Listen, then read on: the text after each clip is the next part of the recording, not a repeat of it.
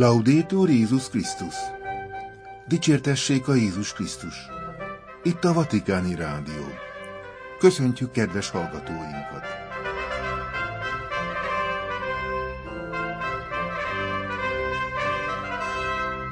A stúdióban Vértesajai László.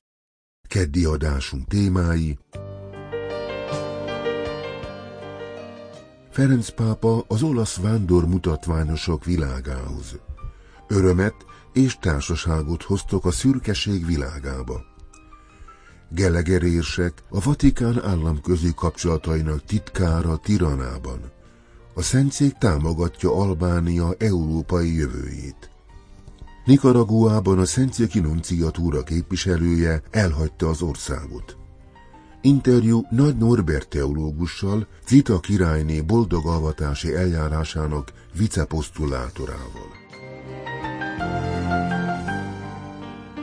A Vidám Parkok üzemeltetőinek örömet és társaságot hoztok a szürkeség világába. Ferenc pápa hétfőn fogadta az olasz vándormutatványosok országos szövetségét. Hangsúlyozta az ilyen jellegű előadások fontosságát, amelyeket a tereken kínálnak az embereknek. Az ember a szabad levegőn igazán gondtalan hangulatot él meg, az ellenkezőjét annak, ami akkor történik, amikor mindenki egyedül van a mobiljával vagy a számítógépével. Még a körhinták üzemeltetői és azok is, akik mutatványokkal szórakoztatják az embereket a tereken, tágabb értelemben együttműködnek az evangélium hirdetésében, mert örömet szereznek az embereknek. Ezt hangsúlyozta a pápa, aki az apostoli palota Kelemen termében találkozott hétfőn a Vándor Mutatványosok Országos Szövetségével. Biztosította őket az egyház közelségéről és kísérő szerepéről, amely továbbra is hirdeti az üdvözítő Krisztust, e aki átutazott a városokon és falvakon, hogy elvigye mindenkinek Isten országának örömhírét. Beszédében Ferenc pápa a vándorvidám parkok üzemeltetőit arra buzdította, hogy folytassák tevékenységüket, és az öröm magvetőiként határozta meg őket. A hivatásotok az, hogy terjesszétek az örömet. Ezért arra biztatlak benneteket, hogy szíveteket és életeteket mindig tartsátok nyitva a hit perspektívája előtt, amely a Jézus Krisztussal való találkozásból születik, aki jelen van és működik az egyházában, és minden emberben, akivel találkoztok és akit megnevettettek. Ami szép dolog, a mosoly magvetői vagytok. Voi siete seminatori di gioia. Ez szép, emelte ki a pápa. Azok a vándorvidám parkok, amelyek megállnak a városokban, gondtalan pillanatokat kínálnak a gyerekeknek és a felnőtteknek, kisé elvonják a figyelmüket a mindennapi élet aggodalmairól. Ez emlékeztet a körhintán ülő gyermek boldogságának tiszta örömére, amely minden család emlékezetében él. A pápa kifejtette, hogy a vidámparkok által szerzett öröm és ünnep a kreativitásból és a képzeletből fakad, amely nem követi a média által terjesztett mesterséges és konformista modelleket, és nem a folyamatos újdonságkeresésből táplálkozik, hanem az egyszerűségből és az őszinteségből, amit egy vidám parkban érezhetünk. Egy olyan világban, ahol gyakran szürke és súlyos légkör uralkodik, arra emlékeztettek minket, hogy a boldogsághoz vezető út az egyszerűség, és egyfajta szórakozási forma szabadban és társaságban – ez ellenkezője annak, amit ma egyre gyakrabban látunk, mindenki egyedül van a mobiltelefonjával vagy számítógépével, ami elszigeteli a közösségi kommunikációtól.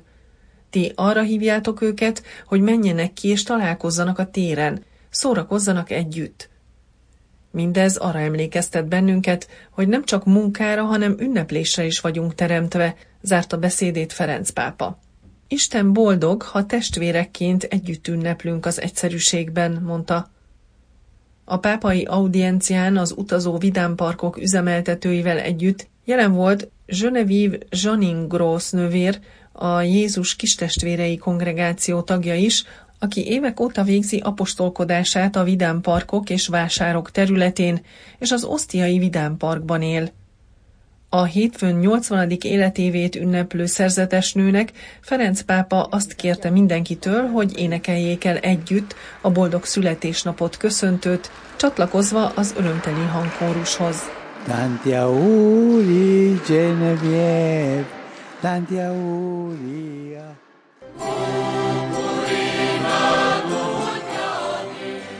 Gelegerések Tiranában. A Szentszék támogatja Albánia európai jövőjét.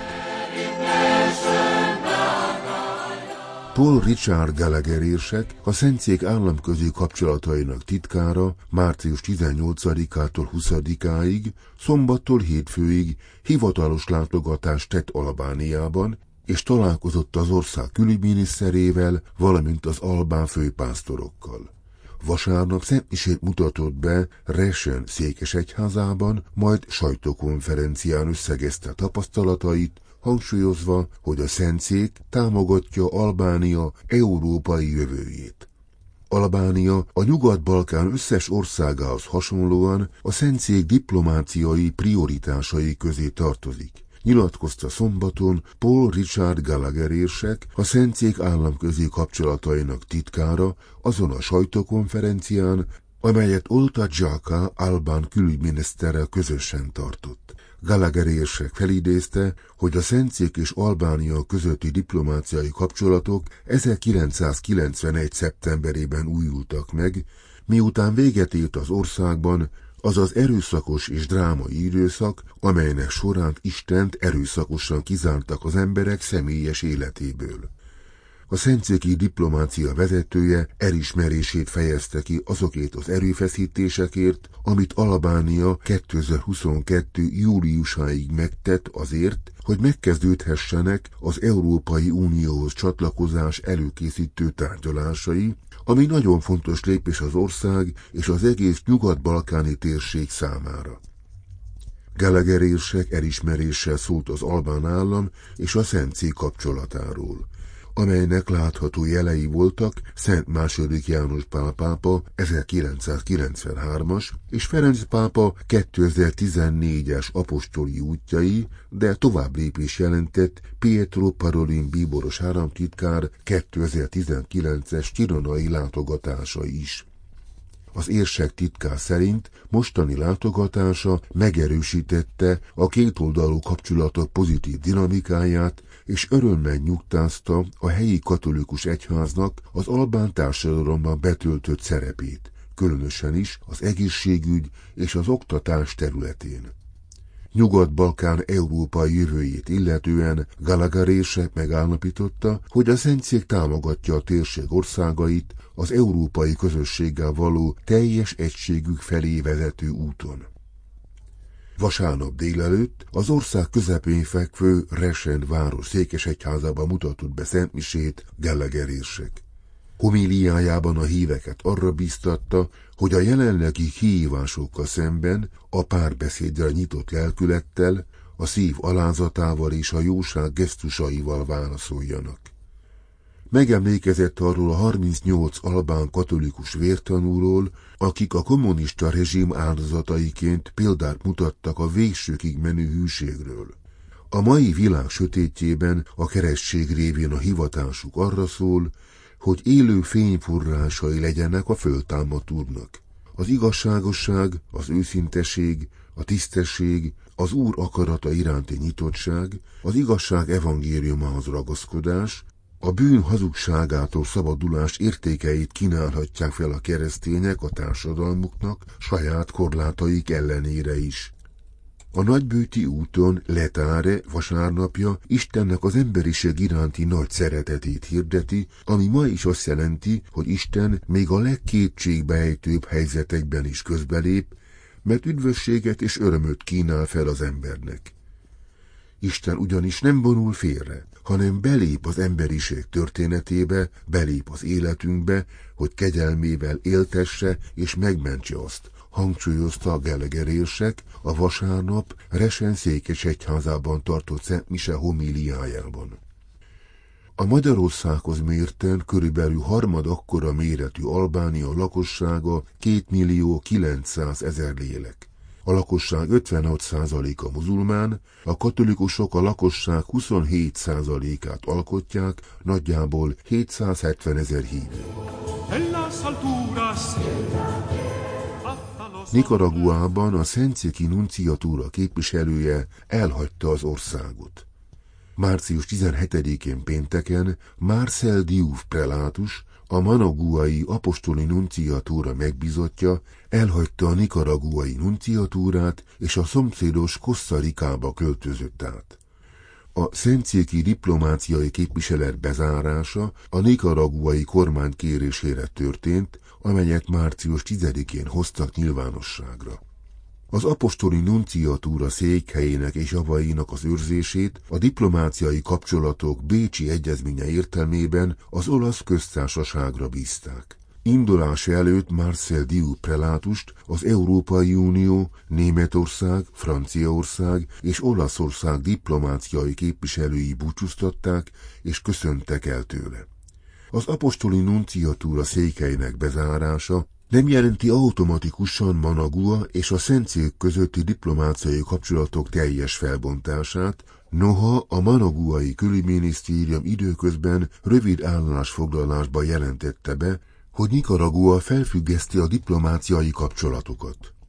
Amit arról korábban már beszámoltunk, a nikaraguai törvényszék Ronaldo Alvarez püspököt, Matagalpa főpásztorát februárban 26 évi börtönbüntetésre ítélte, és megfosztotta őt nikaragói állampolgárságától is, miután ő nem volt hajlandó felszállni arra a repülőgépre, amelyen politikai foglyokat deportáltak a közép-amerikai országból az Egyesült Államokba. A gépen 222 politikai fogoly hagyta el Nikaraguát. Most hallgassák meg a Nagy Norbert teológussal, Zita királyné boldogalvatási eljárásának viceposztolátorával készített interjúnkat. Szeretettel köszöntöm a Vatikáni Rádió stúdiójában Nagy Norbert teológust, Zita királyné boldogavatásának viceposztolátorát, aki Zürichből érkezett Rómába, hogy erről az ügyről tárgyaljon. Már mi találkoztunk itt korábban, beszélgettünk ugyanerről a témáról, hol tart most Zita királynő boldogavatásának az ügye, jelenlegi állapot, innét induljunk ki. Nagy szeretettel köszöntelek téged, kedves László atya és a kedves hallgatókat, Vatikáni Rádió kedves hallgatóit. A boldogavatás már évek óta zajlik, és nagyon jó lépésekkel halad előre. Egy mérföldkő volt a néhány évvel ezelőtt Magyarországon elindult imacsoport, amely rendszeresen találkozik és imádkozik a boldogavatás szándékára, és cselekvő szeretettel próbál Zita királyné nyomdokaiban járva segíteni elesetteken, menekülteken, szegényeken, és most különösen is a háború elől menekülő családokon hol van Zita királynőnek lelkes, mondjuk így szurkolótábor, akik imádkoznak az ő boldog avatásáért Magyarországon túl? Kis túlzással a világ valamennyi pontján. Természeténél kifolyólag a mag az Európában van, különösen is Franciaországban, és az egykori monarchia különböző területein. Legyen Ausztriában? Az Ausztria egy nehezebb, keményebb dió, de Magyarországon, Csehországban, Szlovákiában, például a felvidéken is vannak élő közösségek, amelyek szívükön hordják a boldogalvadás ügyét. Ausztria a történelménél kifolyólag és a Habsburg házzal való, hát utóbbi, az első világháború óta talán nem annyira rendezett kapcsolata miatt Ausztriában ez a kérdés jelenleg egy Nehéz kérdés, de ugyanakkor Svájcban, ahol Zita királyné élt, számos tisztelőjével találkoztam az elmúlt évek során. Jelenlegi állapota, hogy ő Isten szolgálója. Így van. Ugye ez a dekrétum kijött, és akkor most a további lépés az igazából mit igényel? Most én az eljárás jogi oldaláról kérdezném. Így van, az eljárás jogi oldalát tekintve az adatgyűjtés szakaszában vagyunk. Ennek a szakasznak a nagy része már mögöttünk áll, rengeteg dokumentumot sikerült egybegyűjteni, ami Zita királynétól származik. 96 évet élt utolsó magyar királynénk. Ez ezt jelenti, hogy ő rengeteget írt, és rengeteg levelet kapott. És mély meglepetésemre nagyon sok esetben egyházi kérdésekben, még akár úgy mondom azt, hogy teológiai kérdésekben is megnyilvánult. Anélkül, hogy részleteket elárulnék, de a második vatikáni zsinat alatt ő nagy figyelemmel követte a zsinati megbeszéléseket és eseményeket, és azért imádkozott, és ennek írásos nyomaira bukkantam, hogy ez a zsinat hozza el a keresztények egységét a világon. És emiatt különösen is fontos számunkra azok a dokumentumok, amelyek ilyen egyházi, lelkiségi témát érintenek. És természetesen sok-sok más téma is van. Van egy nemzetközi tagokból álló úgynevezett történelmi bizottság, amelynek a fő célja az, hogy ezeket a dokumentumokat összegyűjtse, és egy teológiai bizottság, amelynek a célja és feladata az, hogy ezeket értékelje. Római tartózkodásomnak az egyik oka az, itt Rómában egy magángyűjteményben Zita királynőtől származó levelekre bukkantunk. És ezeket ezeknek a másolatát kapom meg, és viszem el e hónap végén a Szolemmi Szent Cecília apátságba, ahol az éves közgyűlése kerül megrendezésre az Ita királyné boldogavatását kezdeményező francia egyesületnek. Lehet tudni, hogy ezek a levelek milyen témákat érintenek? Én azokat tudom, amelyeket eddig ezelőtt kaptam meg, ugyancsak ebből a levéltárból, ugyancsak ebből a privát levéltárból. A dokumentumokhoz ma délután fogok hozzájutni a következő kötekhez. Az első kötekben szerepeltek többek között a már említett zsinat alatt született levelek, amelyeket egy magyar monszignórének írt, és ez a magyar monszignóre válaszolt Zita királynénak, és ezekből a levelekből felsejlik Zita királynének a lelkisége nagyon mélyen tisztelte a papokat, napi szinten szentmisét hallgatott, szentmisére járt, azon részt vett, és mintegy a bencés lelkiség szerint építette fel a mindennapjait. Imádkozzál és dolgozzál. És az első helyen az óra volt, az imádság volt. Minden napját ezzel kezdte, és utána délelőtt és délután hajthatatlanul írt, leveleket fogalmazott, diktált, de nagyon sokszor a saját maga kis, hordozható írógépével írta ezeket a leveleket.